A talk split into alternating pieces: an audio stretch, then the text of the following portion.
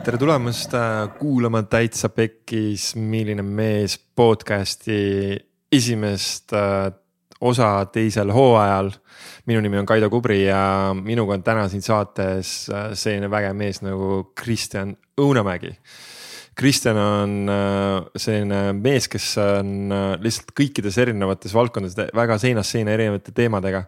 ta on äh, vedanud aastaid sellist äri nagu Loodusvägi, kus on tegelenud tervisliku toidu, kaasa arvatud siis selle eksportimisega Eestist. ja samal ajal ta on, tegeleb taustal muusikaga, on väga äge muusik, selline bänd nagu Dragons of the North. ja siis lisaks kõigele muule talle, talle meeldib tegeleda enesearenguga, enda endaga tööga, terviklikkusega, holistika, õppinud holistikateraapiat.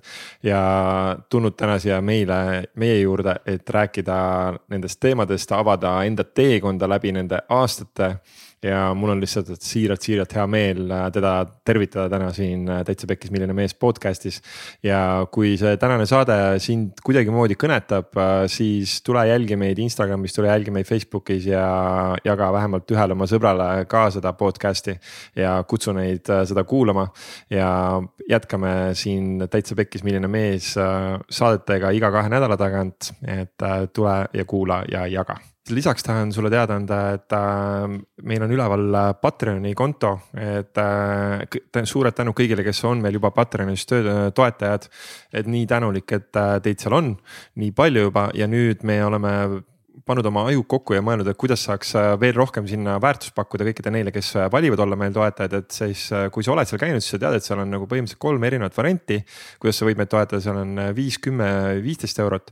et kui sa valid selle viieteist eurose paketi, siis lisaks sellele, et sa saad toetada Täitsa Pekkis podcast'i toimumist ja Täitsa Pekkis milline mees podcast'i nagu toimumist. siis lisaks sellele sa hakkad saama iga kuu noh, vähemalt üks, aga tõenäosus on, et tegelikult pigem kaks lisa podcast'i, mis saavad olema sellised ägedad podcast'id, kus äh, oleme siis mingis kombinatsioonis äh, mina, Kats ja Mihkel. ja juba täna on selles äh, tasut-, tasulises versioonis, seal see viisteist eurot toetusversioonis olemas kaks podcast'i, üks on nagu minu ja Katsi jutud rahateemadel ja siis lisaks on minu, Katsi ja Mihkli üks kolmene vestlus, mida saad ka kuulata sealt, et ehk siis tule meile Patreoni toetajaks ja lisaks sellele, et saad aidata äh, meil äh, Täitsa Pekkis podcast'i vedada, teha ja edasi arendada, siis lisaks sellele saad ka ägedaid äh, podcast'e kuulata, mida sa tegelikult siis, mida siis mujal ei saa mille jaoks mujal ruumi ei ole. siis tule patreon.com kaldkriips Täitsa Pekkis. A-ga, mitte Ä-ga, Täitsa Pekkis ja sealt leiad võimalikud toetusviisid, et tule Patreoni ja toeta Täitsa Pekkis podcast'i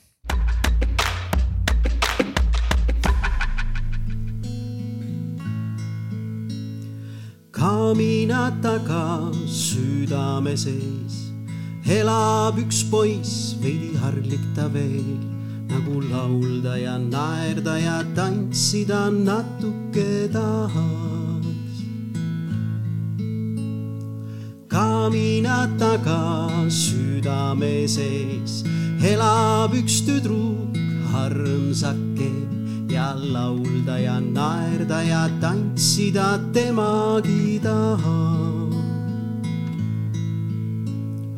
Kamina taga südame sees elab üks mees, veidi tõsine veel, kuid laulda ja naerda ja tantsida temagi tahab. kamina taga südame sees elab üks kaunis naine ja laulda ja naerda ja tantsida täiega tahaks. Oh, eh, oh, eh, oh, oh.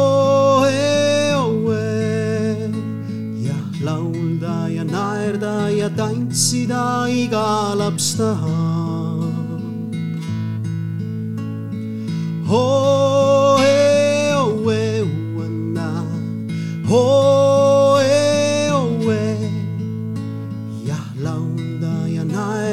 Ja tantsida iga laps tahab. kuid mida tohib ja mida ei või kellele laulda või tantsida võiks, seda teada, teada, teada iga laps tahaks. kuid mida tohib ja mida ei või, kellele laulda või tantsida võiks, seda teada, teada, teada iga laps tahaks. Ho e o e wana Ho e o e Seda teada, teada, teada iga laps tahab seda, mis ilus, seda, mis hea, seda, mis paitab ja hingele hea, seda jagada, jagada, jagada kõigiga tohib. seda, mis ilus, seda, mis hea, seda, mis paitab ja hingele hea, seda jagada, jagada, jagada kõigiga tohib. Oh, wanna, oh, ei, oh,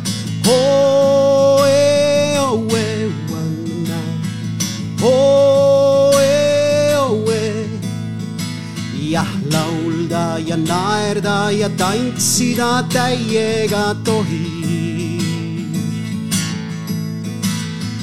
Oh, ei, oh, ei, wanna, junna, oh, ei, oh, ei, ja naerda ja tantsida iga laps tohib. nüüd kaminad taga südame sees elab üks poiss ja selge on see, et laulda ja naerda ja tantsida täiega tohib. jah, kamina taga südame sees elab see armas tüdrukuke, kes laulda ja naerda ja tantsida täiega tohib. ja kamina taga südame sees elab see mees ja kindel ta meel, ta laulda ja naerda ja tantsida täiega tohib. Kamina taga südame sees elab see rõõmus ja vaba naine, kes laulda ja naerda ja tantsida täiega tohib. Oh, where you wanna know? Oh, hey, oh, where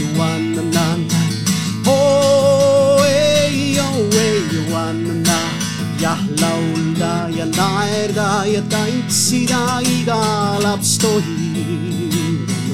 no ja na na na. Oh, ei, oh, ei, wanna na ja na. Oh, ei, oh, ei, wanna na. jah, laulda ja naerda ja tantsida iga laps tohib.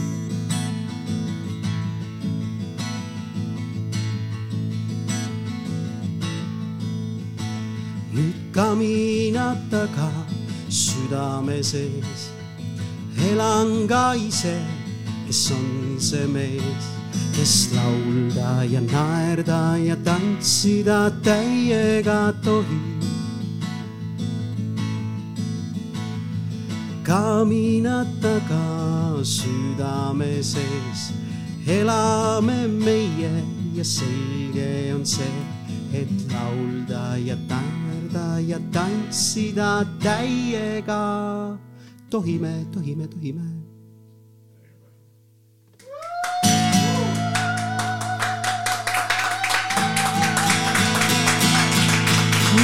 Oh, hey, oh, hey, one night. Oh, hey, oh, hey, one night. jah, laulda ja naerda ja tantsida iga laps tohib.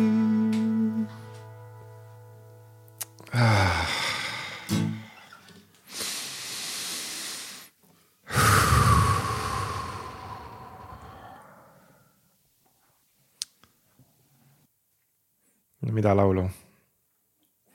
aitäh. sinu oma sõnad, sinu oma muusika. mis, mis tripi ajal sa selle siis nagu välja kannalasid? Hmm. see on üks esimesi laule see sündis kuidagi, sündiski kahe tripi ajal et äh, jah, sihukeses sellises. Äh, see oli esimene, üks esimesi kogemusi, kui ma kogesin niimoodi, et üks laul tuli, tuligi nagu sirgelt, et ta tuli täiesti, täiesti täiesti noh, otse koha peal sündis ja seal ei olnud nagu tundsingi, et ei olnudki ühtegi mõtet ega seda ja selline tunne oligi, et ega ega tegelikult ju mina seda ei kirjuta, et see on lihtsalt mingi selline nagu ilmselt see muusika ja kõik selline kunst tuleb, et see tuleb meil sellisest ühist, ühiskohast siis, kuhu keegi vahel sisse logib ja, ja siis sain ka esimest korda seda kogeda lihtsalt. tuli lihtsalt sisse? ja tuli lihtsalt sisse jah, ja tuli läbi, et. ja ja ega, ega ma ise ka alles õpin nagu tundma neid laule, ega selles mõttes, et ma, ma alles ise ka nagu mõistan või login neisse sisse, et seal kindlasti ei ole mingit teadvustatud mõtestatust taga, et ma nüüd teen sellise loo, sest see on niimoodi hea, see on pigem selline. ma kogen seda sellise hästi sellise, tekib selline pigem tundeelamus minu jaoks, kus, kus nagu kõik nagu, nagu hästi avaneb, lahti, voolab. tihti enne seda eelneb sihuke pigem mingi raskus pigistab mm. ja siis, kui ta lööb järsku niimoodi lahti, siis tuleb sihuke inspiratsioon peale ja siis kukub vahel jah, mõni laul. ehk siis see loovus äh, tegelikult äh, vabaneb peale nagu teatud mingit pingutust on ju jah, jah. et ongi, et nagu justkui jah ja,, et nagu noh, ongi noh, mingis mõttes nagu noh, no ma tegelen vaata nii palju nende erinevate isiksuse tüüpidega ja, ja teemadega on ju, siis seal ongi, et kui sa mingi noh, mingisse energiasse mingis mõttes nagu noh, et üks energia on siis selline hästi selline kinnine ja hästi-hästi kramplik, hästi tugev, tõmbab nagu kõik hästi-hästi kokku on ju, aga siis, kui sa sellest nagu lahti lased ühel hetkel, et nagu kui see nagu justkui lahustub, et siis. siis nagu meeletu avardumine. ja siis see on, see on siis see, kus see loovus. ja täpselt. loovusele saavad inimesed ligi. täpselt jah mulle väga meeldivad äh, igasugused raamatud ja nagu teemad üldse nagu sellised, mis on nagu hästi sellised terviklikud mm.. ja, ja selle lauluga ka, et mul, mul just oli võimalus äh, sind kuulmas seda laulu laulmas äh, Põltsamaa lossis äh, hiljuti.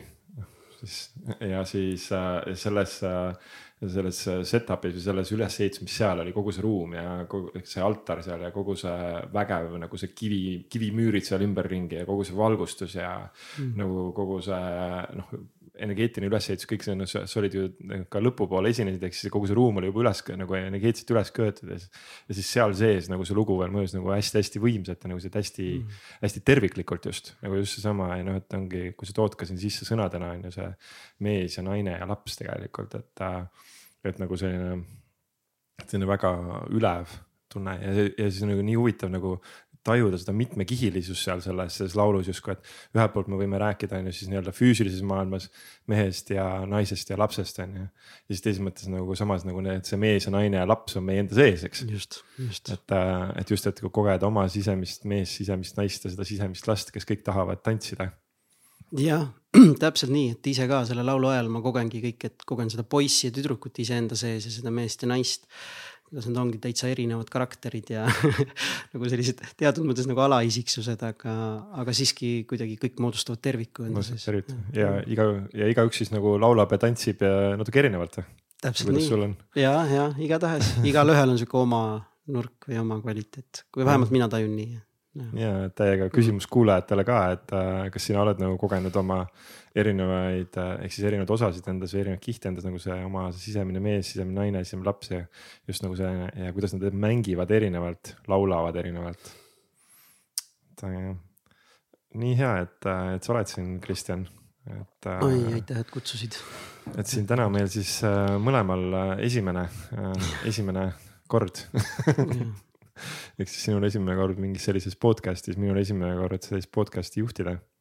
et äh, väga põnev ja nii, nagu nii palju rahu on südames, et just, just sina istud siin vastas ja lihtsalt see on äh, nagu äh, kõik need hetked, mis on sellele praegu siin eelnenud äh, enne ka siiapoole sõites ja kõik see igal pool, kus ma vaatan, kus see mõistus tahab juba veidi juba hüpata sinna, et talle tahab mingeid ootuseid looma hakata, et noh, et. et mis siit ikka nüüd tulema peaks ja siit peab ikka nüüd tulema mingi hullult äge asi ja, ja nagu ja siis nagu ma lihtsalt nagu rahustan, mõtlen, et kuule lihtsalt nagu chill, tule lihtsalt kohale nüüd tagasi, et ära mhm. jookse kuskile et kuidas sul endal nagu selle kohaloluga nagu värk on, et nagu on sul sellega sellised sõbralikud suhted vahepeal või kuidas nagu läheb uh,? ma pean ütlema, et viimasel ajal aina parem, mind väga toetavad ikkagi igapäevased praktikad. et selline. mis on sinu igapäevased praktikad kohalolu toetuses? Täna ma teen sihukest äh, joogat ja siis sellele eelnevalt natukene ka, tähendab joogat ja siis sihukest hingamist, mis sinna juurde käib, et hingamine on sihuke A ja O sihuke pooletunnine hingamissessioon. hingamine on kasulik ka seda? Sudar Sangria näiteks on see üks sihuke, mida mina kasutan, see on ka Eestis on sihuke organisatsioon okay. nagu Art of Living. Nemad seda õpetavad. on erinevaid praktikaid ja asju, mina olen proovinud ja kuidagi, aga see jäi nagu pidama.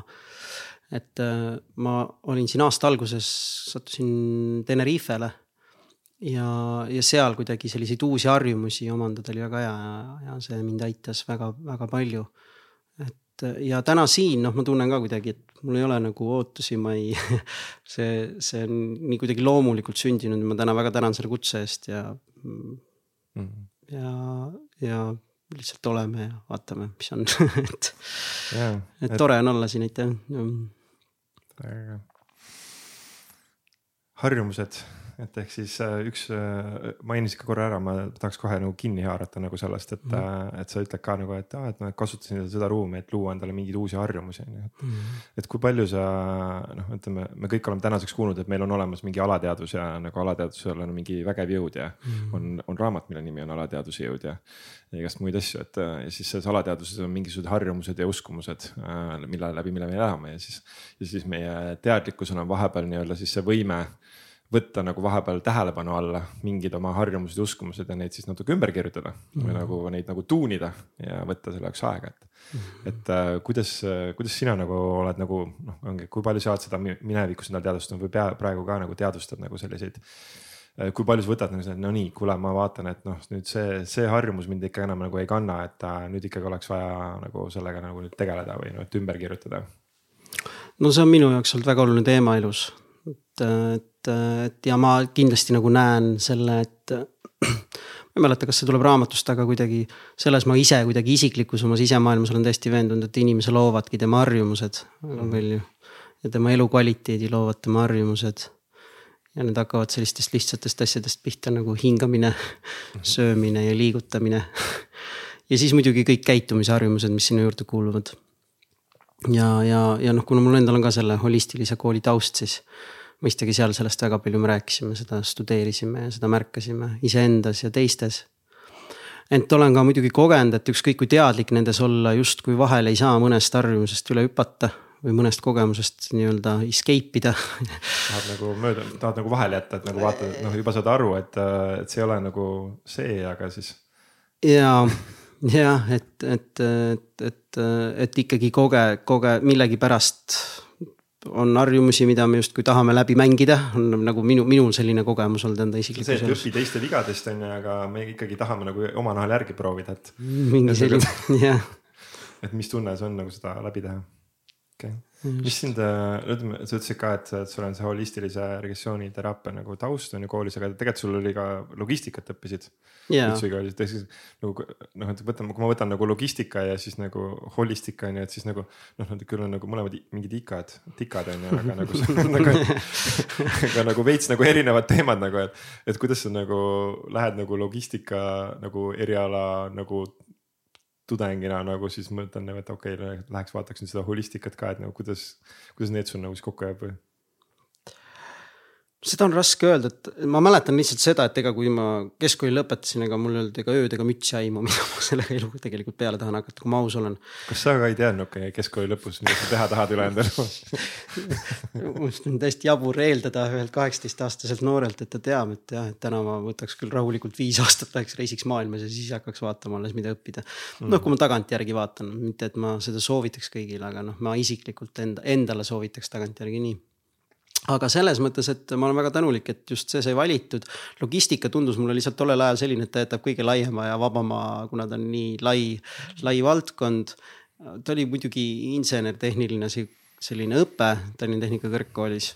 Mm, mulle endale isiklikult kuidagi matemaatika alati meeldis mm. osa, et mul koolis juba meeldisid kaks ainet olid sellised matemaatika, kehaline ja muusika, tähendab muusika mulle ka meeldis väga ja vahel see bioloogia äratas huvi või selline siis no mu ema kuidagi, kusjuures, kes kahjuks lahkus just mul siin värskelt nüüd üks kuu aega tagasi, et äh, tema, tema kunagi ütles äh, niimoodi, et äkki kaalud dirigendiks minna õppima õpp,, õppima minekut nagu tol hetkel kuidagi ei tundunud see operatiivne.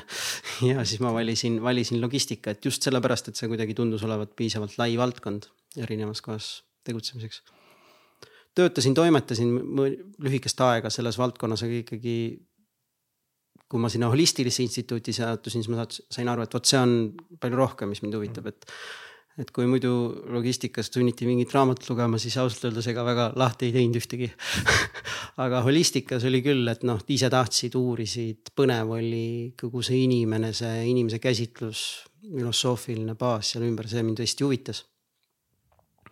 ja mis tõi ka sellesse, et kuidagi taas ühendas mind endal nagu sellise äh, lapsepõlve loomulike huvidega, et mul on alati, ma mäletan ikka juba kaheksa-üheksa aastaselt ma olin siukse äh, mõtliku filosoofse äh, olemuse poole kaldu, et mind väga huvitas nagu elu terviklik käsitlus ja inimene ja miks kõik on see ja see müstika ja kõik selle pool, et kindlasti oli see juba sees, ma mäletan isegi, et mul on nihuke märkmik oli, mis mul üheksa aastasena olin, kus ma siis kirjutasin siuksest sellisest inimese ajalikkusest või ajatusest, et noh, lause oli sihuke, et ma küll praegu olen üheksa aastane.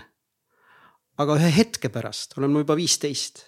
ja järgmise wow. hetke pärast ma olen juba vana ja võib-olla ja siis juba surnud on ju et kirjutasin, ma mäletan üheksa-aastaselt selliseid asju ja mind, mind alati ja kaheksasena ma mäletan, ma mõtlesin hästi palju, et huvitav, kumba pidi nüüd see ikkagi on, et nagu, et siin mingid selgeltnägijad näevad nagu saatust ette ja et umbes, et kõik on olemas, aga et. kas see on nüüd ikkagi niipidi, et nagu mina ise loon ja saan nagu kogeda, mis iganes ma võin kogeda või kõik on kirja pandud, kuidas nad muidu ette saavad näha, on ju asju. et siis peab kõik kirja olema pandud ja see küsimus kandis mind hästi palju nagu. kaheksa aastasena? jah, see oli okay, sihuke. ma jõudsin kuskil neljakümneselt sellele, siis ma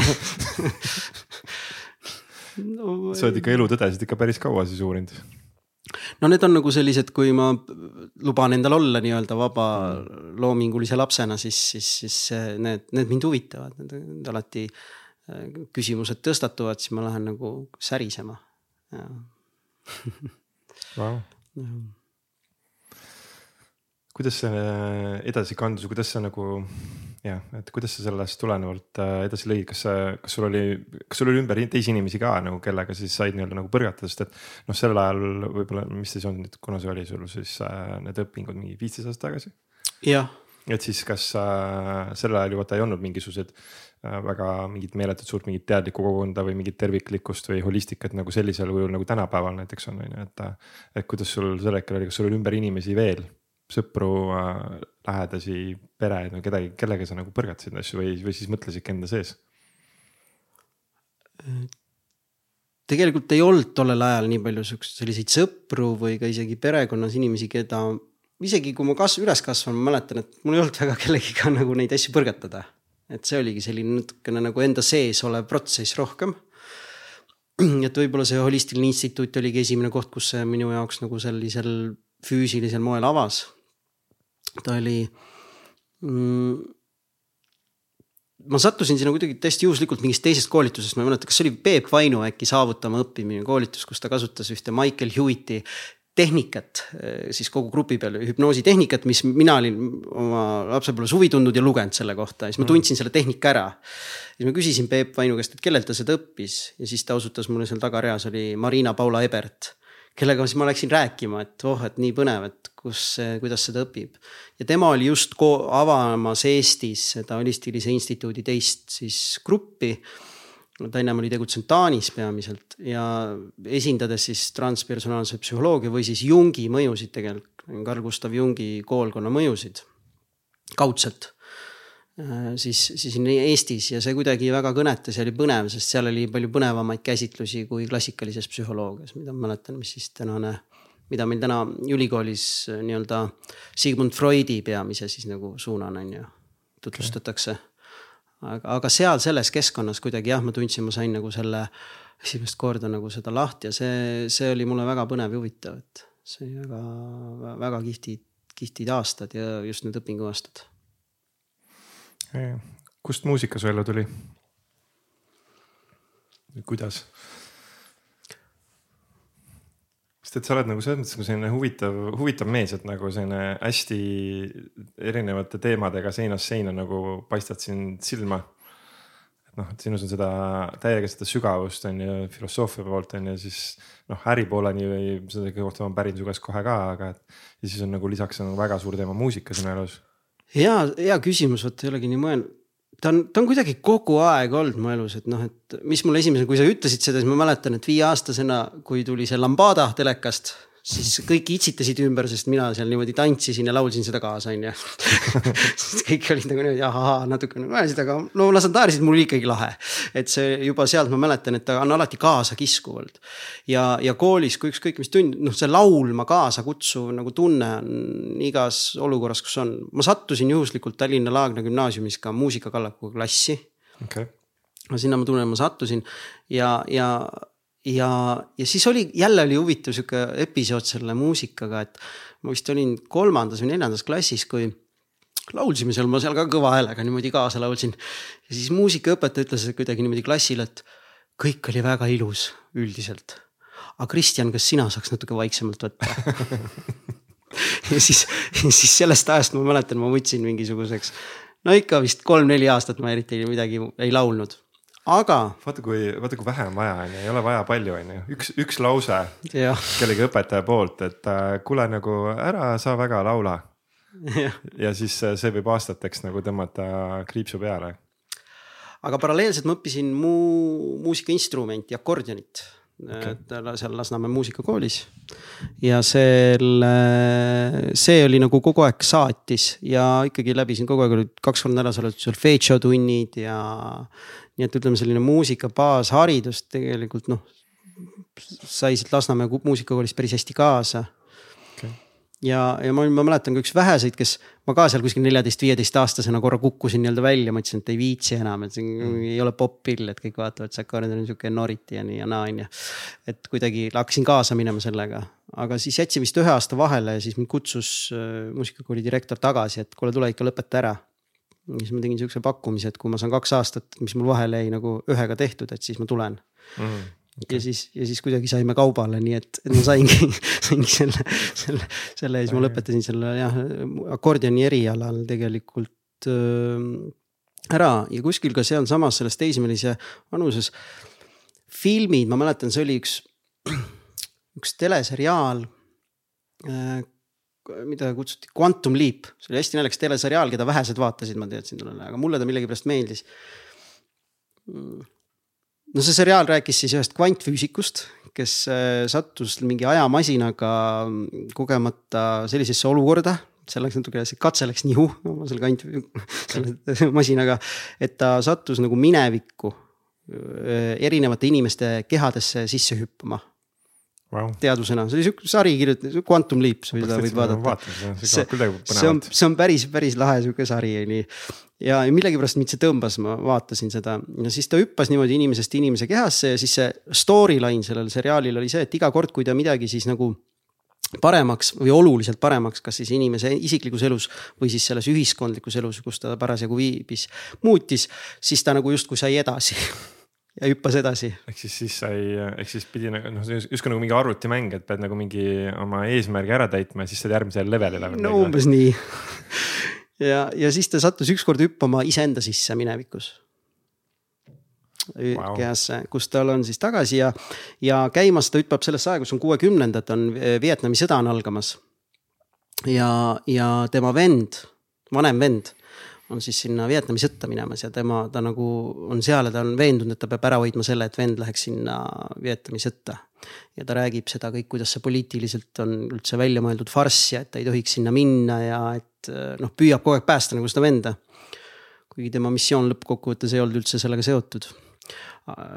kahjuks või õnneks ja siis selleks, et nagu keegi, kuna keegi ei usu teda siis mm -hmm. selleks, et keegi teda usuks siis ta mängib oma väiksele õele ühes stseenis siukse selle laulu, selle John Lennoni Imagine'i mm.. ja ma mäletan, kui ma seda hetke vaatasin nagu telekas niimoodi, mul lihtsalt pisarad voolasid niimoodi. ja, ja ma sain aru, et ma tahan istuda kunagi samamoodi terrassil ja laulda seda laulu. see, et see ühendab millegagi, see ühenduse tunne, mis mul sellel hetkel tekkis, oli nagu selline noh, isegi teismelise jaoks nagu kuidagi, kuidagi kõik nagu avas. kõik see raskus nagu kadus ja kõik avanes. ja siis ma hõikasin emale köögis, et ema oli köögis vist, et ema, ma tahan kitarri. ja vot selle kitarri ostuga, seal neljateistkümnenda viiendas hakkasin nagu taas laulma ja siis just selle laulu siis nagu taaskogemise huvides siis ilmselt nagu see kuidagi see tekkis sihuke sihuke moment, et ma, ma elasin jah Lasnamäel ühetoalises korteris ja siis minu see parim turvaline ruum oli, siis ma võisin vahel unustada, andsin niimoodi, ma panin selle ukse kinni kuskil seal köögiukse ja olingi siis see köök oli minu ruum. mul olid need välja prinditud laulud kõik ees, mis maailmas sellel ajal populaarsemad olid, siis ma võin unustada ennast mitmeks tunniks sinna lihtsalt kitarri mängima et, et, et siis ma tunnen, et siis nagu see laulmise pool ja sihuke kitarri ja laulmise pool tegelikult seal nagu avanes ja, ja oli kuni, kuni ta jäi nagu ikkagi natuke nagu tahaplaanile, alati oli sihuke hobi. okei okay.. jah. ja siis paralleelselt äh, sellel ajal tuli ka äriteema rohkem ülesse. see tuli jah, et kui ma olin seal, ütleme natukene paar aastat nüüd hiljem, kahekümne kolme aastaselt vist alustasin selle loodusväega. et äh, see oli kuidagi tunnen nüüd selle holistilise kooli ja ja, ja töötasin, töötasin paralleelselt, ma töötasin just sel hetkel DHL-is kullerteenuste müügiesindajana ja see mul oli väga hea töökoht ja sihuke auto ja selle vanuse kohta, et see auto ja läpakas ja hea palk ja, ja kõik oli nagu väga hea, aga. aga no kuidagi miski oli veel nagu puudu hinge jaoks. ja siis, ja siis ma sattusin ükskord selle DHL-i teenustega koolivend, kes kuldmedaliga lõpetas, Ahto Veegmann oli, töötas Telias ja siis me sattusime niimoodi, et tema oli Telias sisseostujuht ja mina olin siis seal DHL-i müügiteenuste juht või müügi, mitte teenuste juht, aga müügi, müügiesindaja on ju. ja siis, ja siis, ja siis me sa, saime kokku ja vist Ahto, Ahto ka vaatas väga kaua kuidagi sügavalt silma mulle niimoodi ütles, et kaua sa seda palgatööd veel tahad teha ja siis meil tekkis seal säde ja väga pikad sellised nagu arutelud, kuni me siis jõudsime jah loodusväeni ja, ja, ja minu. oli kohe plaan nagu maailma ära vallutada? pigem oli see, et mina olin holistilises saanud just selle õppe, et usalda resonantse ja vaata, mis elu toob ja et, et vaata, kuhu see viib ja. ja minul oli see huvi, et katsetada, et kas tõesti kõik on võimalik, et, et ma ei tea, et oleme siin kahekesi laua taga praegu nagu sinugagi mm. -hmm. ja kujutleme mingit täiesti võimatut võimalikust ette, on ju. et, et kas on võimalik seda ära luua? noh, ma arvan, et minu nagu see drive oli suurim see võimalikkuse tõestamine tegelikult rohkem. Äh, räägi sellest, sest see on nagu täiega see, et, et see on noh, see on mingis mõttes ju see, et sa näed midagi, mida ei ole veel olemas, on ju. ja, ja, ja, ja noh, kust sa siis võtad nagu selle, ma ei tea, ülbuse sellel hetkel öelda, et noh, et aga mis siis, kui on võimalik nagu, et kus see, kus see, nagu mida, mida on, sest et noh, et väga paljudel inimestel on see, et neil ka justkui need noh, kõigil ju tegelikult on inspiratsiooni hetki. kõigil tegelikult on ju need momendid, kus neil tuleb nagu, et oh võiks. on ju, ja siis tuleb noh, see näidatakse neile mingit pilti või nagu tuleb see mingi võimalikkus, nagu sa ütled, on ju ja siis äh, mis nüüd siis eristab nagu noh, kindlasti on sul ka olnud ju neid pilte nagu selliseid, millega sa võib-olla ei tee mitte midagi, eks mm. -hmm. ja siis on olnud need pildid jälle, millega sa teed, on ju, et mis on, mis on see, mis toetab nagu selliste piltide siis ütleme niimoodi. reaalselt nagu käikulükkamist, ellulükkamist nagu hakkad, hakkadki ära looma, et mis, mida sa oled, mida sina oled nagu oma kogemused, mida sa oled nagu kogenud, mis on see erinevus seal? no sellel hetkel ma ei oska öelda, mis seda teeb, sest see on ilmselt sihuke ikkagi see maa, maagiline moment on seal olemas, mis on nii-öelda suur müsteerium ja seletamatu. ent sellel hetkel ma kujutan ette, et kui tehniliselt vaadata, siis ilmselt toetas kindlasti see, et ma käisin selles holistilises koolis ja mul, ma sain kogu aeg sellist uskumust, et kõike on võimalik luua ehk et seda, see maailmakäsitlus oli mul koolis aktuaalne ja teiselt poolt oli Ahto, kes oli ka sellise avatud mõtteviisiga ja lubas enda ar, nagu välja arenenud uskumussüsteemi ja mõtlemissüsteemile sisse ikkagi siukseid võimalikkusi ehk me eksperimenteerisime nagu tegelikult mentaalsel uskumussüsteemi tasandil, et valida lihtsalt uskuda noh, sisuliselt. Et, et, et, et mis siis, kui me usume, et usume, et on võimalik ja proovime luua ja kui sa saad kogu aeg selles käigus veel nagu sellist eluliselt praktilisi tagasisidemeid, et, et või tagasisidet, et, et asjad tõesti juhtuvadki seda, mida sa unistad, noh näiteks me alustasime seal Raekoja platsi jõuluturult selle glögiga on ju. mäletan väga täpselt seda momenti, et üks hetk tegin, nägin seda pilti, et me viime seda glögi niimoodi alustega, ma ei tea, Soome, Rootsi või üle maailma üldse on ju, et oo, see oleks äge on ju. et siis panime nagu sellise, no ma mäletan seda, seda unistust. ja siis hakkasime sellest rääkima ja siis noh, sa hakkad küsima, et kuidas see võimalikuks võiks saada need küsimused, et mis selleks juhtuma peab, need head, head küsimused, mida paljud raamatud okay. soovitavad. ütle veel kord need küsimused, et ehk siis kuidas, kuidas see võimalikuks võiks saada? see võimalikuks võiks saada? mis peaks selleks juhtuma, et see mis võimalik peaks? oleks ja mida ma saan praegu kohe ära teha? kohe ära teha üks tegu, mida ma saan praegu teha. mitte see, et ma planeerin homsesse, vaid midagi, mis ma kohe saan ära teha, et energia saaks liikuma mm.. mida ma saan just kohe ära teha? kohe ära teha. et sa võid teha pärast plaani veel, mis sa veel rohkem teed, on ju. aga tähtis, et sellel hetkel, kui on inspiratsioonimoment, teed mõne teo selle nagu selle pildi suunas. on see üks kõne või on see mingisugune millegi järgi uurimine või, või guugeldamine või mis tahes tegu, aga et, et mingis, et saad aru, et mingi checklist'is said ühe teo tehtud. Okay.. siis ma kuidagi tunnen, et nagu asi on hakanud liikuma ja läheb nagu edasi. ehk siis sel hetkel, kui on just see inspiratsiooni hetk on ju, et siis sel hetkel ei tohi seda energiat justkui nagu raisku lasta. et sel hetkel on vaja sellega midagi teha. Ja, ja. ja lükata mingi asi käima. Ja, ja fast forward nagu, mis, mis sellest äh, käimalükkamisest sai see oli vahva, sest et oli ikkagi Eestis esimene selline ökobränd. et kes siis konsolideeris ikkagi kohalikult siin oma, oma kaubamärgi alla siukseid väga hästi valitud siis mahetooteid Eestist ja välismaalt. ja lõpuks toimis ka see, et tõesti me siis eksportisime üle kogu maailma ja noh, ta tegi, tegi siin ikka viimasel aastal ligi neli miljonit juba käivet, see ettevõte ja, ja on kenasti kasumlik et äh, võib öelda, et temast sai selline jätkusuutlik äh, ettevõte, mis ekspordibki Eesti mustikajahu ja mustsõstrajahu ja erinevaid tšaaga äh, ja, ja on Amazonis nendes oma kategooriades liider maailma globaalsel turul.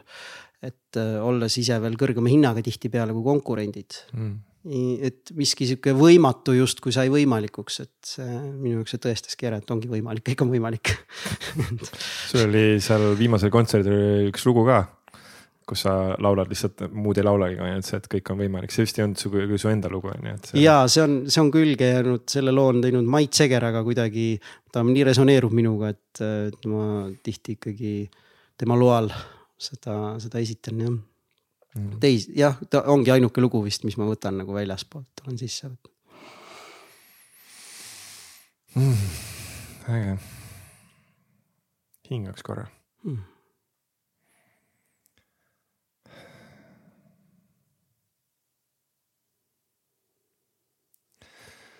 okei okay., siis kõige selle, kõige selle keskel, mis sa lood ja loonud oled, et äh, kus on olnud siis nii-öelda sellist äh, muusika poolt, kunsti poolt äh,, avardumise poolt äh,, samas nagu hästi palju füüsilises maailmas nagu tegutsemist äh,, aktiivsust nagu teen asjad ära.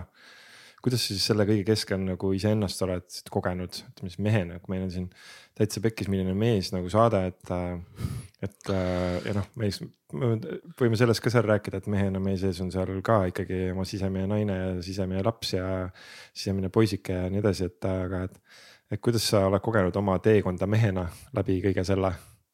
ei no kui, kui aus olla, siis ma mõtlen, et no see on ikka õudne olnud et kogu see, kogu siia sellesse ilmaruumi sündimine, see segadus, arusaamatus, ilusad hetked küll palju ja justkui nagu keegi väidab või ise hakkad arvama, et äkki ma saan millestki aru, siis noh, lõppkokkuvõttes ma saan aru, ega ma ei saa mitte millestki aru väga palju olen kogenud ikkagi ebaturvalisust teadmatust, kes ma ikkagi olen ja kas kõik on õige, mis ma teen või mis, mis see on, et sihukest eneseotsimist on väga palju olnud.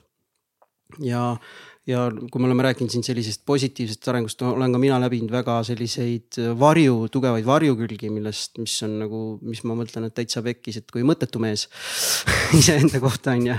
et, et noh, mul oli ikkagi kas kaheksa või üheksa aastat raske hasartmängusõltuvus näiteks millest ma siin tulin tegelikult paralleelselt kogu selle elu sees, kus, kus sai firmat loodud, siis öösel sai äh, hakkas sellest pihta, et palka ei olnud alguses siis ma võitsin mõned pokkeriturniirid. siis ma, siis mu alateadvus tegi järelduse, et mul on võimalik ära elada ja siis ma elasin kolm aastat nii ära.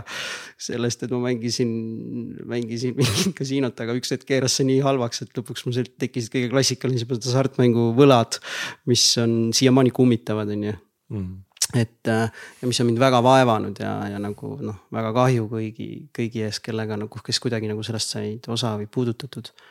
et aga noh, tegelen otsast ja aastast kaks tuhat üheksateist, siis kui minu ellu tulid õpetajataimed mm..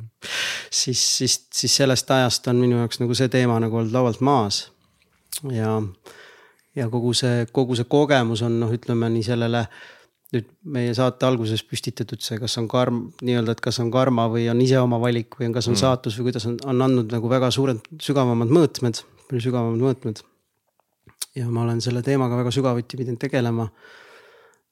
ja, ja, ja ma olen ülitänulik selle kogemuse eest see on, see on noh, seda ma kutsun ikkagi seda iseenda varju võtmist, ma hindan võib-olla ja sellest ülesaamist hindan võib-olla isegi täna nagu kõige kõrgemalt kõikide muude nagu, kas siis on need saavutused no,. see on see, see on see klišee nagu öeldakse, et noh, justkui nagu tore on, kui läheb hästi, on ju, aga mm. õpime rohkem siis, kui läheb pekki Läheb pekki jah, et, et, et jah, et noh, see, see, see, et ma kuidagi elasin nagu mingit, mingi aeg oma elus nagu sihukest kaksikelu ma nagu kogesin et okay. oli see osa, mis nagu lõi täiega, mulle meeldis eneseavardus ja siis sihuke teraapia ja teiselt pool oli siis nagu see vari, mis püüdis nagu siin maa, finantsmaailmas oma asjad nagu niimoodi paika saada, et ma ei pea raha pärast ühtegi otsust firmas, oma muusikas või muus asjas teha, tegema ja siis kuidagi mingis mõttes lõin siis sellise nagu, ma julgen öelda siis nagu natukene nagu väärastunud strateegia ausalt öeldes, mille pärast on nagu väga nagu häbi, on ju. aga, aga noh, see ka õpetas väga palju, see õpetas ausust ja, ja, ja piire ja ja, ja sellist ehedust no,. ma saan aru, et sa vaata praegu räägid sellest on ju ja ma isegi praegu näen, et noh, see, see ei ole nagu mingi lihtsam asi, millest rääkida, aga nagu. kuidas, kuidas sul algul oli nagu selle vastuvõtmisega nagu, et just, et nagu noh, ma saan aru, et praegu sa oled juba mitu aastat nagu sellega. no täna sa... ongi, et mul on sellest lihtne rääkida, et, et ei, ei ole enam nii, aga alguses need, kes ma tean väga hästi, need inimesed, kes on mingis sõltuvuses, ma ei tea, saan täiesti aru, mida nad kogevad, et noh, see on nii valus. See on, see on nii suur valu, see on nii suur häbi ja see on nii suur nagu selline sisemine põrgu. et äh, ilma väga-väga turvalise ruumita ongi seda praktiliselt võimalik, võimatu avada mm.. et äh,, et need turvalised ruumid ongi medicine ruumid, mis aitavad minu arust väga, et täna. täna ma tean, et maailmas ka ikkagi on üks on sellised ibokaiini retriidid, mis siis noh, mina ei ole küll alkoholisõltuvust kogenud, aga ma tean, kust nagu seda tervendatakse, aga sealhulgas ka siis hasartmängusõltuvuse neid, et noh, inimesed, igalühel on see mingi oma nõrk koht, on ju. minul oli see, et ja kui sa ütled, kas täna sellest on kerge või raske, et ma ei tunne, et mul on sellest isegi raske enam rääkida, et ma kuidagi olen ennast nii ära mõistnud seal seda mitmel kohal, mitte et mul häbi või ebamugavust ei ole, kui keegi seda kuidagi vajutab, muidugi on õrnasid kohtasid, aga aga sellis-, selles mõttes, et see, ma kuidagi mõistan enda kui lapse arengut, enda kui meheks kasvamise arengut ja selle vajalikkust selle sees. noh, kõik nagu me teame, õnneks holistiline taust annab selle, need seosed noh mm -hmm., et mis aitab natuke ennast nagu hoida võib-olla selle kõige sees aga mis ei tähenda, et oli ikka nagu korralik. korraks jaga seda kohta, mis, mis on see, mis, mis sind selles nagu toetas, sest et ongi nagu see, et. et üks asi on ka nagu see, et, äh, et me nagu taipame mingil hetkel, et hea küll, et see on miski, mida ma ei taha, et see enam niimoodi edasi läheb, on ju, ma tahan seda muuta. ja siis äh,, aga et äh, kuidas nagu seal sees seda toetust siis vastu võtta või kuidas üldse nagu üldse hakata aru saama, mis on see, mis toetust sa vajad, on ju, või või ka teisest enda näitel nagu, et mi, kuidas sa ise said, mis sind nagu toetab, mida sina vajasid ja kuidas sa seda endale lõid siis või mis toetust sa endale ise lõid? see on hästi huvitav küsimus ja ma hea meelega kaevuks sellesse, et, et mis seal, mis seal nagu on. et seal, mida ma kogesin, on see, et äh, mis lõpuks ikkagi toetas, oli mingisuguse iseendas oleva hingelise aspekti vastuvõtmine mm kui ma kokkuvõtlikult võiks sõnastada, ta on natukene esoteeriline nüüd, aga ma julgeks selle filosoofiliselt korra lauale käia, on see, et justkui hing igatseb meie kehas ennast esile tuua. aga maailm ja see, kuidas me elame see viis ei ole selle suhtes just kõige toetavam, oleme ausad. ja, ja meie selline olemuslik hingeline aspekt on väga tihti alla surutud ja sellest allasurutusest, sellest olemust, et ei ole turvalist ruumi, kus seda osa iseenda osa näidata, noh, võib-olla siis minule väljendub see läbi muusika. siis läbi selle väljendamata jätmise tekivad siis igasugused meie nii-öelda hädad. Kuidagi mhm. see, et ja kui küsida, mis see siis toetab, seda toetab turvaline mõistev ruum, keegi, kas siis inimene või ruum, kes siis soosib selle hingelise osa nagu avaldumist meis, et me saame seda osa endas ka avastada. et, et kui ma nagu psüühika tasandil ja ütleme meeleliselt olin nagu väga haritud, siis hoolimata sellest, et ma käisin holistilises ja ma tegelesin selle teemaga, see teema vaevas mind ikka ja ma ei saanud sellest välja, ma käisin psühholoogide juures ja see, see oli ikkagi sees. ehk see teema oli hingeline tasand ja hingelist tasandit ei tervendata eriti kuskil no ütleme nii, et kui ma käisin nii-öelda Eestis on siis hasartmängusõltuvusega tegelev mingi psühholoog, kui ma käisin selle juures ausalt öeldes, kui ma sealt ära tulin, siis ma mõtlesin, millal ma mängima saaks minna. sest et minu jaoks ta ei jaganud ööd ega mütsi, mida ma sisemiselt läbi elan. Et kust see nagu valu tegelikult tuleb või mis seal taga tegelikult on. ta hakkas rääkima mulle kompulsiivkäitumuslikust harjumusest, aga seal ei ole midagi pistmist sellega. Ma nagu ise arvan nii või oma kogemusest tunnetan kuidagi nii, minu jaoks on see seotud ikkagi inimese mingi osa vastuvõtmisega temas. et asi ei ole selles, et ta teeb midagi valesti, asi on selles, et ta ei saa turvaliselt midagi väljendada. Mm.. ma tunnen kuidagi nii ja, ja kuidas sa just, et nagu mehena, okei okay,, noh, alati võime rääkida ka naistest nagu eraldi, et noh, seal on, need on teised äh, podcast'id, teised teemad, aga just, et nagu mehe, ütleme siis nagu, et kuidas sa nagu mehena koged seda, et kui palju meestel on üldse ruumi selle jaoks, nüüd noh, olles, sa oled ise nüüd ka siin kolm-neli aastat nagu siis natuke rohkem võib-olla sellega nagu puhtamalt mm -hmm. nagu saanud tegeleda, et mm -hmm. kui palju sa näed, et kui palju meeste jaoks üldse nagu on äh, selliseid ruume olemas, punkt üks, teiseks on see, et kui palju mehed on üldse valmis neid nagu valima või noh, üldse nagu võtma nagu seda vastu? no ega ei olegi eriti, noh siiani ei ole olnud, aga nüüd noh, aina rohkem tekib meie ühiskonda, me näeme meesteringe, noh kindlasti Tiit on ju teeb ja, ja Raivo teevad meesteringid ja, ja need, need on sellised toetavad, ma näen täiesti, täiesti, kus siis mehed võivad nii avaldada no,. Aga... kas on nüüd nagu see, aga kas need ringid ei ole nüüd see, et nad nüüd lähevad mingisuguseks nagu liiga, liiga nagu ma ei tea, liiga naiselikuks või liiga leboks või ma ei tea, mingisuguseks liiga selliseks esoteeriliseks ära kätte, et noh, et kas oskad nagu välja tuua nagu, miks peaks mehed selle kohaga ikkagi ennast tegema, mis, kuidas saaks nagu seda osa vaadata ka kui nagu osa mehelikkusest? no mehelikkuse esimene osa on see, et ma olen haavatav poiss ka, on ju et ma olen hell ka, et äh, ma olen õrn, et see on no esimene. ei, aga maailmas ei ole ju ruumi selle jaoks nagu no just, sa pead ikkagi et, olema no nagu see... ikka karm ja nagu sa pead olema kõva käega ja tooma raha koju ja nagu hoolitsema, et arved on makstud ja kõik see. no see võib kõik olla ka, aga me oleme midagi veel et see nagu jah, see ongi see häda, et, et, et noh, kui võtta nagu süstemaatiliselt ühiskonnamudeli mm. mõttes, no siis see on ühiskonnamudeli haigus selgelt, et meestena nagu ei ole iseendaga tegelikult ühenduses, kontaktis või kodus, ma näen seda ühiskonnamudeli haigusena. Sest ja meil ei ole ka selleks nagu vastavat sellist siiani olnud.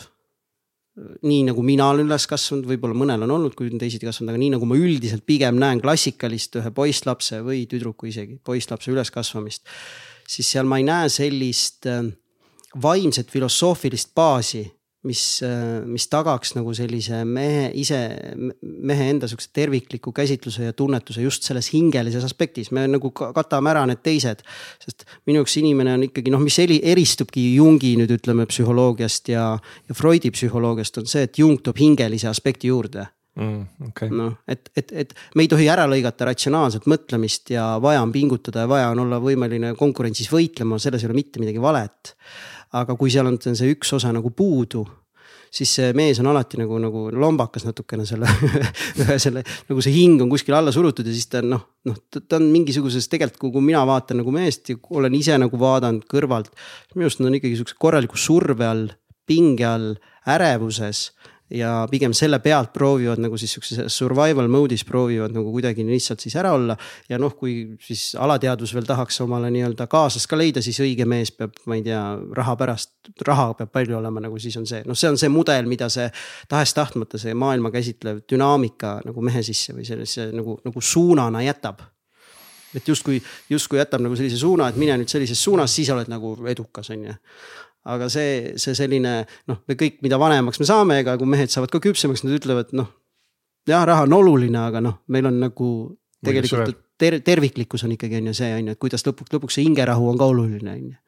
et -hmm. et, et, et vot, vot seda käsitlust ühiskonnas tervikuna, see on, see on ju nii haridussüsteemi osa, see on nii nagu iga pere osa kui ka siis toetusgruppide osa, et ma näen, et tegelikult siukseid noh, seda saab ju olla koolis saavad olla, koolis on täna olemas koolipsühholoogid, huvialajuhid, kes tegelikult vabalt saaks sellist turvalist ruumi tuua, et äratada inimestes hinge, seda saab igas klassiruumis luua, iga õpetaja, et tuua seda osa natuke rohkem on ju sisse, seda saab luua iga lapsevanem ja see hakkabki sealt pihta, sellest lapsevanemast, minust isana.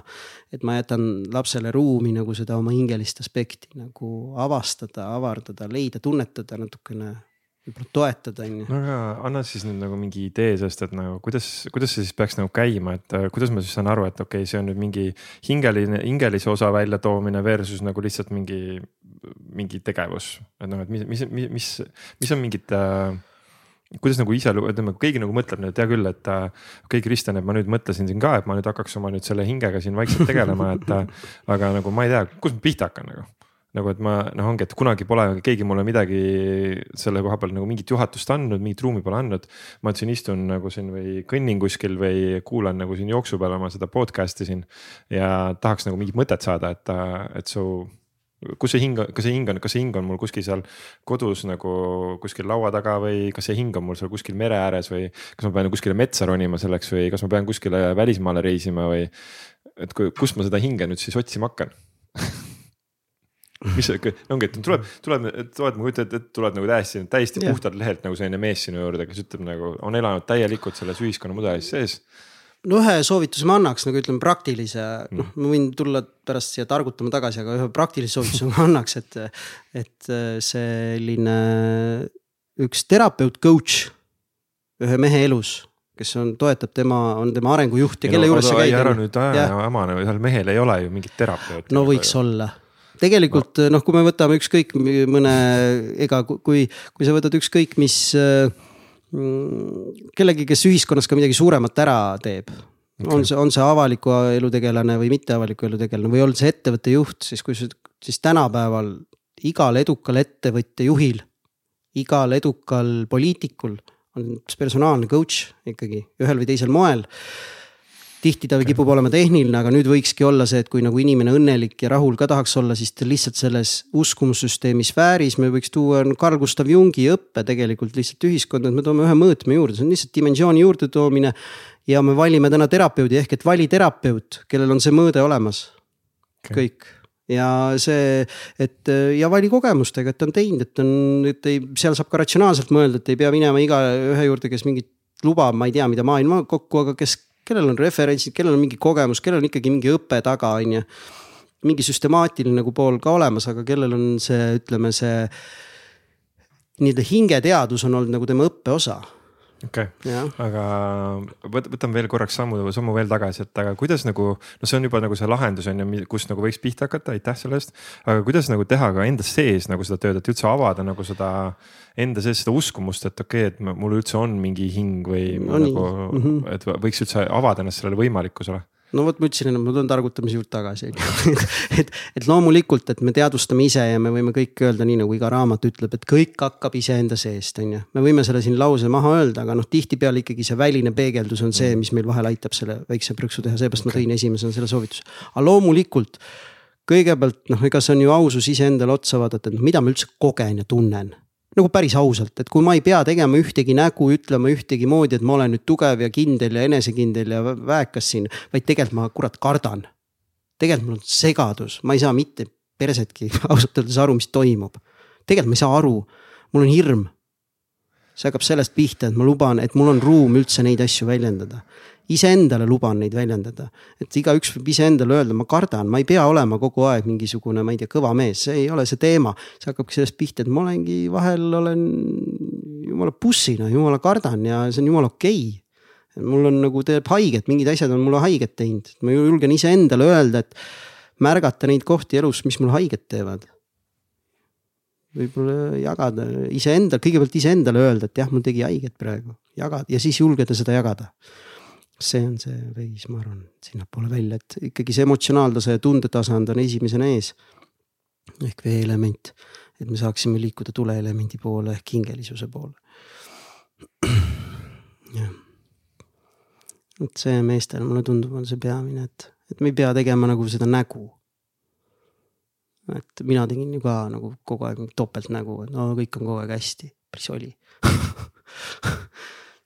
kuradi raske oli valus oli.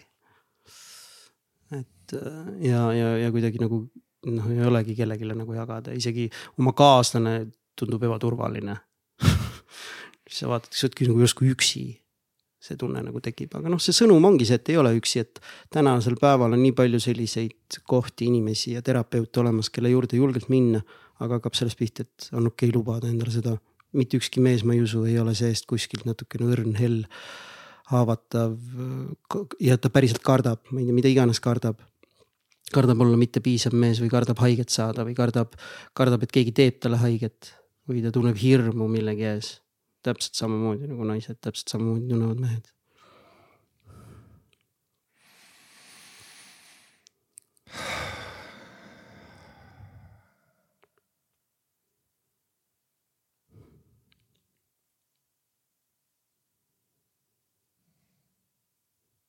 Ja ma isegi, ma isegi kogen, et mind natuke teebki nagu vihaseks see, et nagu on praegu sihukest viha, et me nagu ei kingi siin täna maailma lastele ja ja iseendale, et me ka ei kingi seda, et me kuidagi mängime seda kaasa, et me peame mingit nägu tegema, ei pea, no oleks nagu ehe nagu. Fuck that bullshit nagu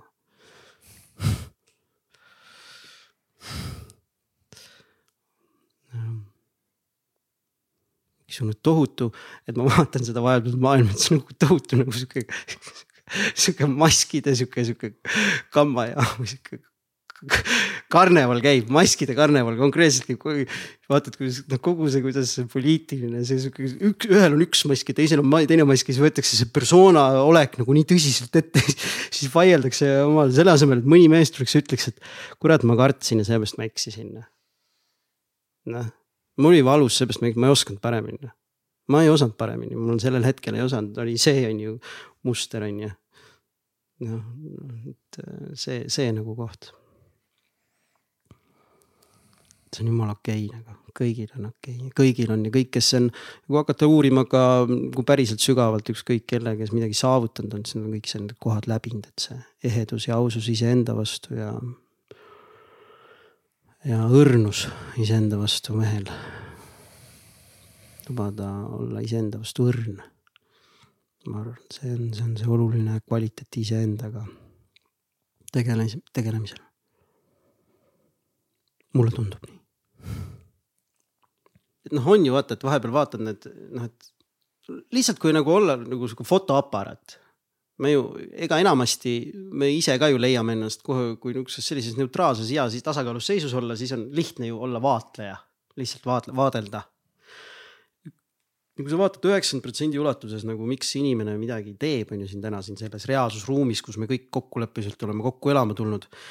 siis see on, no oleme ausad ta teeb selle, selle julgeoleku, selle turvatunde tagamiseks, selle ehk selle äh, baasvajaduste on ju katmiseks, on ju mm. -hmm. Ehk enamus nagu dünaamika, kogu täitumisdünaamika on ühel igal indiviidil juhitud praktiliselt sellest hirmust. noh, mis tänasel päeval siis mängib meile maha rahasüsteemi näol rahasüsteem, mille taha siis, aga keegi kunagi ei süübi, et mis asi see rahasüsteem veel on. kui sa sinna süübid ja sa saad aru, et see on puhas õhk, siis, siis me lihtsalt nagu võimleme mingi õhu pärast kõik niisugune ja need, ja need päris asjad, mis, mis on nagu, nagu südames, südamesse ühendused või ma ei tea, tõesti võib-olla mingi eludeülesed kogemused, kuidas me sünnime ja reinkarneerume ja kuidas me elame selle elu, mis on nagu päriselt olulised teemad need, nendega tegelemiseks, kui nagu aega jääb selle raha teenimise kõrval, mingi pseudoõhu teenimise kõrvalt. noh, täna ju keskpank prindib raha oma äranägemise järgi maha ja kogu maailma dünaamika on ju toimib selle järgi noh mm -hmm., noh noh, ma ei ütle, et nagu reaalselt ööl ja füüsiliselt ööl on alati väärtus, on ju, aga noh, paneks siis selle kullastandardi sinna tagasi taha või midagi, annaks sellele nagu päriselt, praegu ta on lihtsalt üks tühi paber. mis on mu see hüperinflatsioon, praegu ju praktiliselt praegu see inflatsioon, mis meil Eestis on, no see juba näitab, on ju et kui kõik inimesed, ma ei tea, kas see on nagu ühiskond, noh, eks, eks see on ka arenenud kuidagi ja ma saan, ma ei anna ka hinnangut, võib-olla tõesti, et see on nagu parim, mis sai nagu no juhtuda on ju, noh, ega see on nii suur maailma teema, et, et võib-olla lihtsalt see arenes evolutsiooniliselt nii. aga noh, nüüd meil ongi vahepeal aeg võimalusi ümber vaadata, et noh, arenesime siia, aga äkki tõmbaks mingid põhiväärtused natuke okay. nagu teise kohta, on ju. mis siis on, mis siis on põhiväärtused? mis, mis võiks olla need äh, põhiväärtused, mis, mis on nagu no ja noh, me mõistame alati, et me alati räägime läbi enda perspektiivi on ju, et ehk mm. siis sinu tajust lähtuvalt, sinu oma kogemusest lähtuvalt. et nagu see, kuhu sa tänaseks jõudnud oled mida, mis on see, mida sina koged enda sees, et mis, mis on see, mis on siis nagu päris et noh, et äh, ja, ja noh, paneme siia juurde selle klausli, et kõik peavad oma teekonna ise läbi tegema ja no, mingid sammud peavad läbi, läbi tegema ja.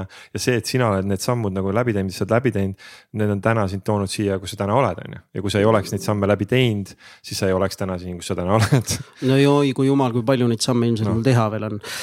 ma kindlasti arvan. siis nagu... ja need sammud, need, need, need eest tulevad sammud, eks me võime neist ka korraks rääkida, aga, aga just, et nagu jah, et kui, kui sa võtad nüüd nagu selle tänase koha, kus sa täna oled mm -hmm. siin ja mhm. praegu mis sa tunned, mis on see, mis on siin siis maailmas siis nii-öelda see päris, mis on, mis on see päris, mis on nagu väärt äh, tähelepanu, mis on see päris, mis on väärt nagu hoidmist. mis on see väärt äh, kultiveerimist nagu äh,, nagu teadvustamist äh, nagu arendamist? aitäh, see no kui sa seda küsimust juba formuleerisid, siis esimene asi, mis mul peas hakkas tiirlema, on tegelikult vanasti olid olemas aated mm.. me ei räägi, räägi sihukest sõna enam nagu aade, et minu arust üks, üks julge mees, kes julgeb öelda, et tal on valus ehk julgus kui aade, tunnistada mm. oma, oma päris kohta, võiks olla rohkem väärt kui miljon eurot. Wow.. samamoodi näiteks äh, austus, et äh, ma õpin ära mingi sellise austava ruumi ja inimruumide käsitluse iseenda ja teiste suhtes võiks olla jälle rohkem väärt kui üks miljon eurot. ehk kui inimesel on kultiveeritud näiteks täiesti tema kehasse austuse kvaliteet, siis sellel võiks olla reaalne, tema ei peaks enam oma rahaasjade pärast minu arust muretsema. noh. tal võiks olla see kontol. sest kui ta austab iseennast ja teisi enda ümber, siis ta ei, siis ta vähemalt on viinud end sellesse kohta, et ta vähemalt ei kahjusta kedagi, on ju, konkreetselt, ei ohusta. No julgus, austus. julgus, austus. panen kirja endale ka nagu. no need on mõned näited, et, et tegelikult mul on neid seitse, mida ma ise nagu selliseks põhiväärtuseks pean, siis. lase tulla. on edasi, on, on armastus. armastus, et see on ka kvaliteet, see on nagu oskus iseenda sees arendada, armastada iseennast, armastada teisi. ehk et fookus võiks minna selle arendamisele mitte ma ei tea, mingisugusele järgmise tuhande euro teenimisele mingi hirmu pealt kuidas rohkem armastada? kuidas rohkem armastada, jah no aga armastatakse ikka ju teisi, on ju, et noh, mis sa siin räägid enda armastusest. mõlemat, et noh. kas mehed peavad ka ennast armastama? kas see nagu liiga? muidugi peavad, aga aitäh, et sa provotseerid seda kohta aga ma arvan, et peavad muidugi. siis okay., siis äh, seal on neid veel ja see ja kusjuures need, need on, mu hea sõber Stigo on need kunagi niimoodi välja nimetanud ja mul täiesti need resoneeruvad, et järgmisena tulebki seal tarkus. tarkus, tarkus., olgu see siis tõepoolest intellektuaalne, mida me juba väga hästi käsitleme suures pildis, aga tarkus just iseenda andeid ära tunda mm,. tarkus tunda enda andeid. tarkus tunda enda, päris tarkus on tund-, teada, kes ma olen, et kui ma olen kobras, et ma pean ikkagi hammastega on ju puud närima, mitte hammastega teisi närima. noh, et siis see ongi see tarkus. ja, ja, ja kui kõik oleks nii targad, et nad teeks seda, mis nad nagu mõeldud tegema on, siis ma nagu tunnen ka, et nagu see asi oleks nagu, see võiks olla jällegi see inimene, kes on tark ja teeb, teostab oma annet, et kui noh, Siim näiteks on ju on trummiandega ja ta teostab seda, siis see, et ta trummar juba on, no baasilt võiks olla juba nagu kõik kaetud nagu selline, et noh, elu, eluks vajalik on nagu olemas. võiks olla olemas on ju, jah, täiega nõus. et ta ei pea mõtlema, et palju ma sellel kontserdil raha pean küsima. ta ei lähe sellepärast nagu seda tegema, vaid ta läheb juba jagama hoopis teisi, neid teisi väärtusi õpetama ja toetama teisi, on ju. Mm. et ja siis, ja siis on see, mis seal veel olid meil, tarkus räägi, alandlikkus wow.. väga suur sõna. et. Äh, alandlikkus siis tuled... kelle või mille ees? alandlikkus kogu selle kogemuse ees, kus me juba üksi viibime. alandlikkuse siin viskame nalja, et selle toob nagu indiaanlaste pärimusesse väeloom hunt. selle kohaga, et äh, ta paneb, vaata, kui ta metsas käib, siis ta on alandlik selle metsa ja oma keskkonna suhtes nii palju, et öösel ta paneb selle käpa niimoodi hästi vaikselt maha. et mitte häirida metsarahu wow.. vot see suhtumine, selline kvaliteet, sihuke energeetiline kvaliteeti meis inimestes on ju, et see selline suhtumine jällegi, vot see on väärtus. sellel võiks olla hind et, et, et, et kui seda kohata või seda ise näha kelleski, kes, kes nagu tuletab seda endale meelde või ise leida end sellest kohast, kus tekib see alandlikkus selle kogu selle suursugususe ees, kus me üldse nagu siin saame seda kõike kogeda. et kohe see hoiak ju muudab ruumi hmm.. suured sõnad kõik. No,.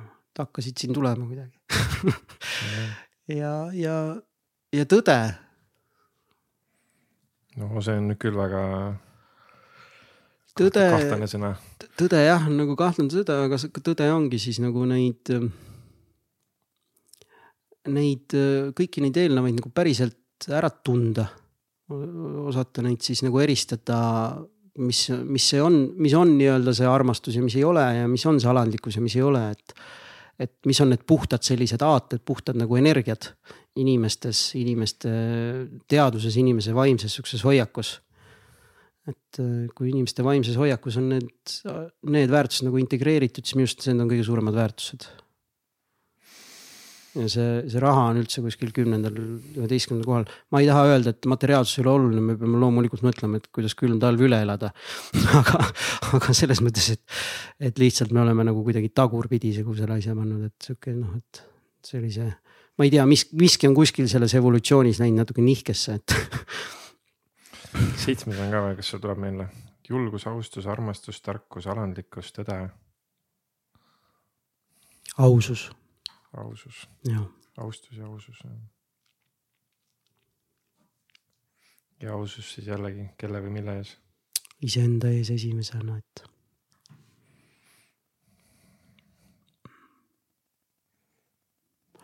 no ega me tunneme ju ära, kui inim-. hirmutav nagu. see ausus on hirmutav ja see on alati julgusega koos, on ju mm. see koos käiv, et, et aus, aus olla on julgus.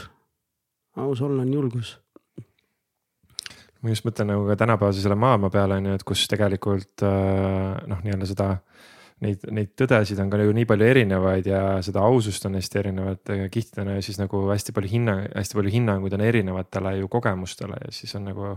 et ongi, et mis on ühe inimese jaoks tema jaoks nagu ausus ja tõde, siis mõne teisele noh, tulevad see hinnangute maailm, küsiks korraks, kuidas sinu nagu hinnangute maailmaga nagu lood on iseendale ja nagu ka väljapoolt ei no alateadvus oskab väga hästi iseendale hinnanguid anda ikka siiamaani kogu aeg et selles ei ole, sellega ei ole, sellega ei ole üldse probleemi, sellega on väga hästi. kuidas sa nendega siis nagu nii-öelda, kuidas sa neid nagu käsitled või kuidas sa nendega nagu siis oma elus hakkama. sest see, sest et ongi nagu need kõik kõlavad hullult äh, no vägevad, mitte lihtsalt nagu ei kõla, aga nagu vägevad aated on ju.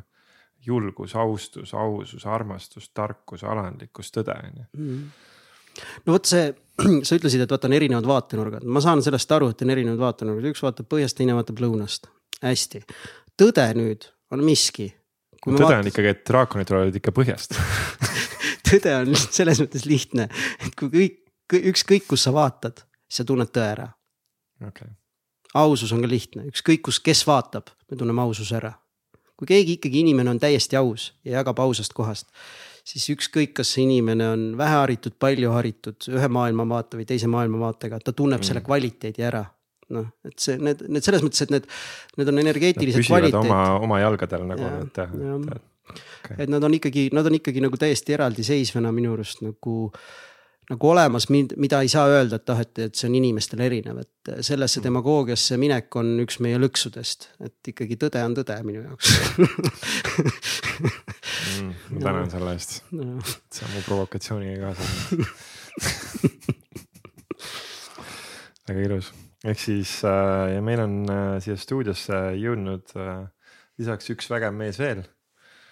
ehk siis äh, tere Siim. Et äh, tere. ja, et äh, mis teed siin? noh, Kristjan helistas kolmveerand tundi tagasi, et tule mängime pilli. tulin pilli mängima. Kõlab täiega hästi, et nägin, nägin teid mõlemad äh, koos just siin hiljuti ägedal kontserdil koos jä- jämmimas ja lihtsalt see teie omavaheline koos nagu see vibe on nagu lihtsalt nagu nii ülivägev nagu ruumis kogeda. et ehk siis äh, taotlen teile palju ägedaid äh, ruume ja kontserte nagu see, selle sõnumiga, mis te, mis te tulete.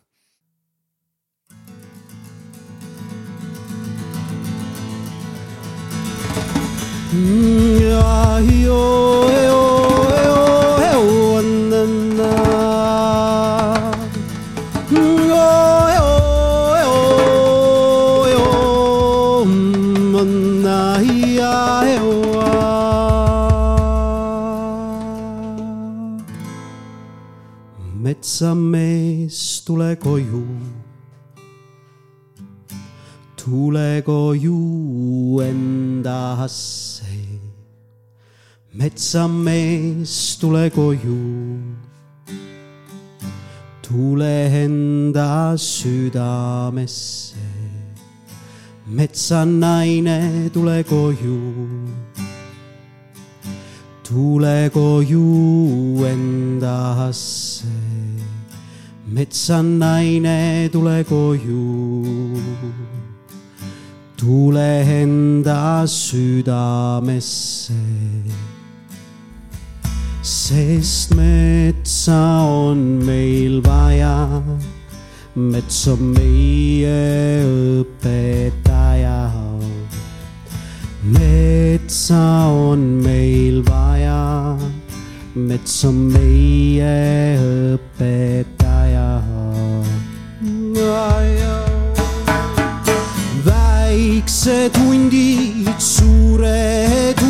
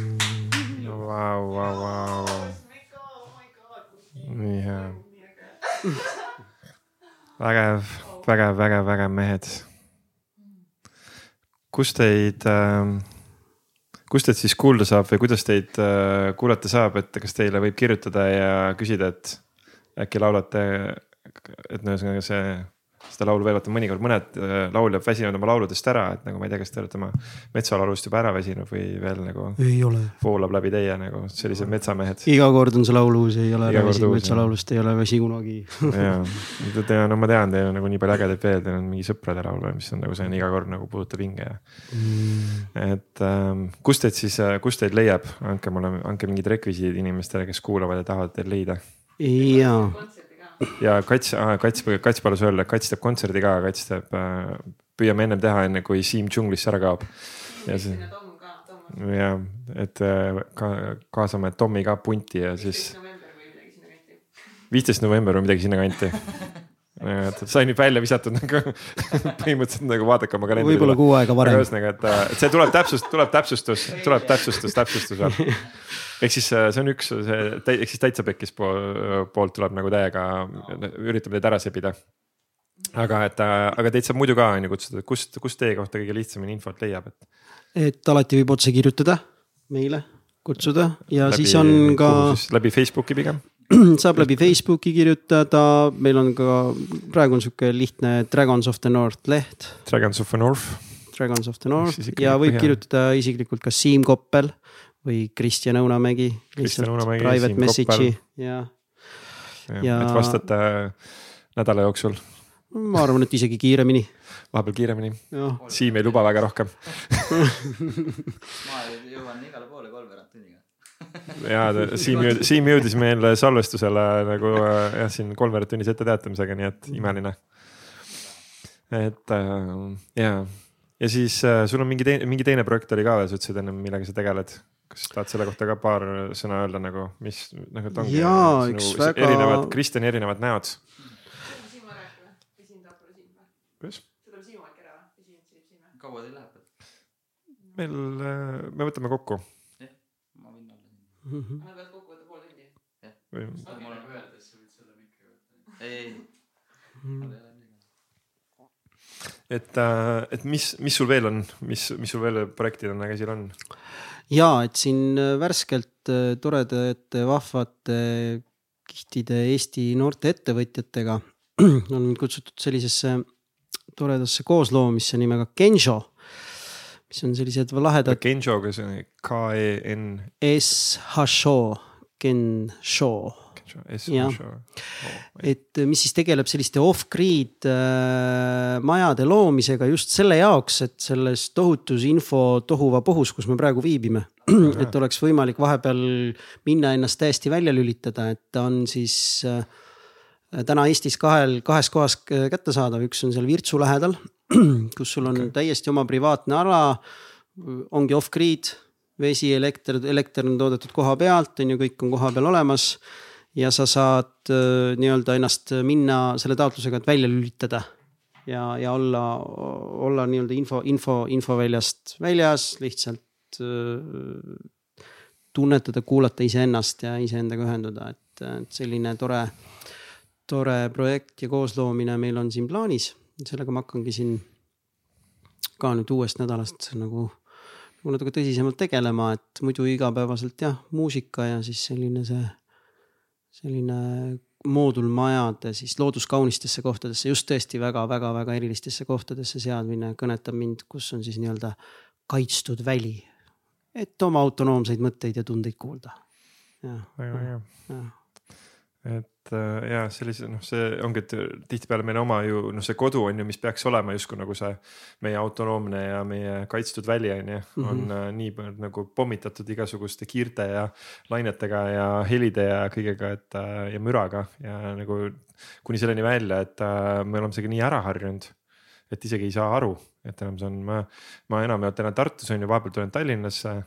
siis olen Tallinnas, saan aru, kui, kui palju taustamüra on Tallinnas nagu rohkem ja, ja kui, kui ma kunagi elasin veel üldse elasin maal ja elasin maal ja siis maalt tulin Tallinnasse ja siis ööbisin Tallinnas, siis mõtlesin nagu, kuidas inimesed selle müra sees üldse nagu magada saavad. sest et noh, maal, kus sa magad niimoodi, et nagu noh, mitte ühtegi häält ei ole, nagu selles mõttes nagu täielik vaikus.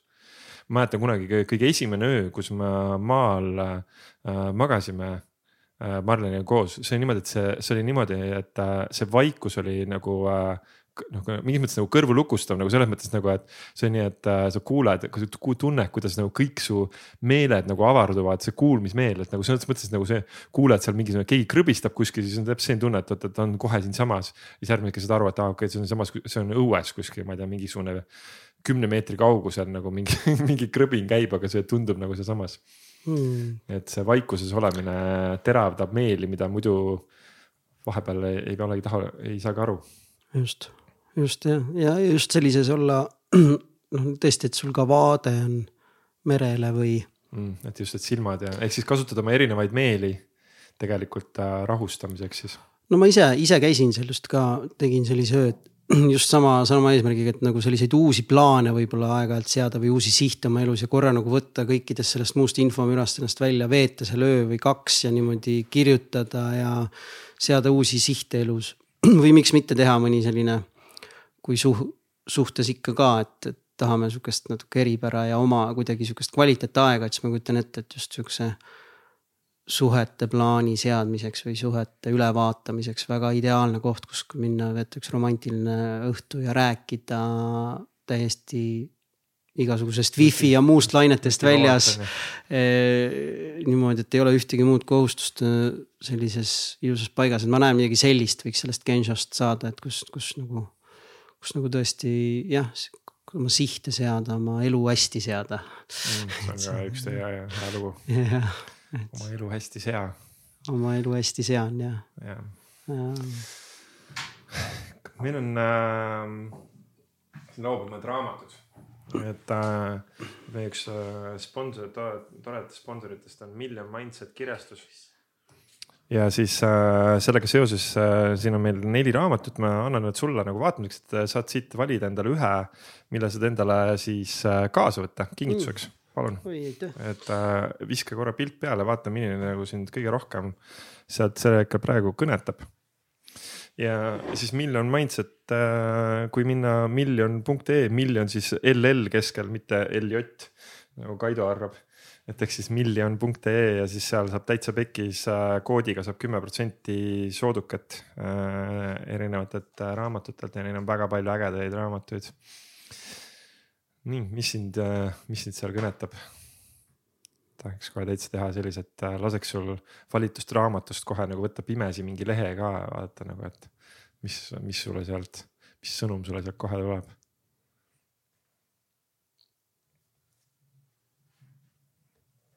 tea, kuidagi mõtteterad igaks päevaks, kuidagi see. mõtteterad igaks päevaks, see kõlab kuidagi- nagu väga tiibilt ja kõla- ja samal hästi kergelt. Jah, ta kuidagi tundus mulle just sihuke kerge ja rõõmsam. et ja igapäevane. võta siis üks mõttetera sealt. Äh, ja esimene on siis kaheksas mai ja võitlus keskpärasusega. kas ma loen? lase korraks silmad üle ja loe, kui tundub sealt mingi hea lause, mida võiks täiega siis sellise, sellise mic drop'ina nagu siia nüüd nagu visata lõppu, et siis.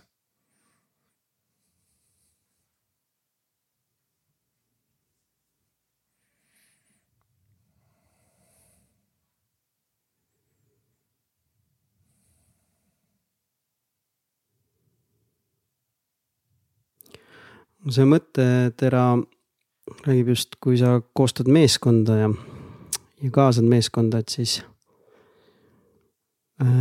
et kaasa endast kompetentsemaid ja, ja kõrgelt arenenud just mm, inimesi, kes on sinust arenenumad. sellepärast sa oledki Siimuga koos.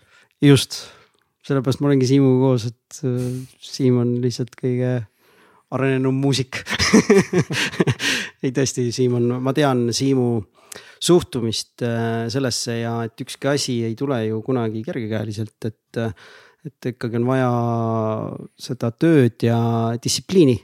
ja, ja mul Siim täiega inspireerib sellega, et kuigi ta tundub sihuke hästi kerge ja lõbus ja tore, siis ma tean, mis töö tal tegelikult seal päevade taga on, et kuidas ta on kuuest või seitsmest olnud hommikul prooviruumis ja kaks tundi mänginud rütmi järgi tümps, tümps, tümps. et, et ja niimoodi, niimoodi pikalt ja, ja, ja suhtumisega, sellise suhtumisega, et ma usun väga sellesse, et, et. et kui vahel paistab, et kõik need asjad tulevad sellise lihtsa, lihtsalt või nii, et eks seal ikka. äh, pilli kätte ja mängid on ju. mis seal ikka. et siis seal, seal taga tihti on väga palju tööd ja sellist ähm, teost, noh ikkagi, ikkagi tahab, tahab seda oma nii-öelda igapäevadistsipliini ka, et ja ja mulle meeldivad need inimesed, kes teavad ja suhtuvad nii, et ei oota seda imet, et, et kõik nagu ka nii juhtub, mitte et voolamist ja kergust ei võiks olla loomises, aga. aga seda, seda, seda sellist pingutust ja töökust on ka vaja jah, noh sellesse ma hästi usun. Kristjan, aitäh sulle, aitäh tulemast täna siia. Kui kuulaja siin midagi sellest saatest kõnetas, siis täiega ootame alati äh, kõiki häid kommentaare, head tagasisidet, äh, kui tundus see saade hea, siis jaga seda vähemalt ühe oma sõbraga ja tule jälgi meid Instagramis ja Facebookis ka, et täitsa pekkis äh, milline mees ja täitsa pekkis podcast. Ja siis samuti siis Dragons of the North veebileht ja Facebooki leht ka, et ja siis saab neid kutsuda endale külla mängima. Ja, ja täiega edu, edu Kristjan ju kõikides su tegemistes, mis ette võtad. Ja aitäh veel kord tulemast. aitäh, et kutsusid, Kaido, aitäh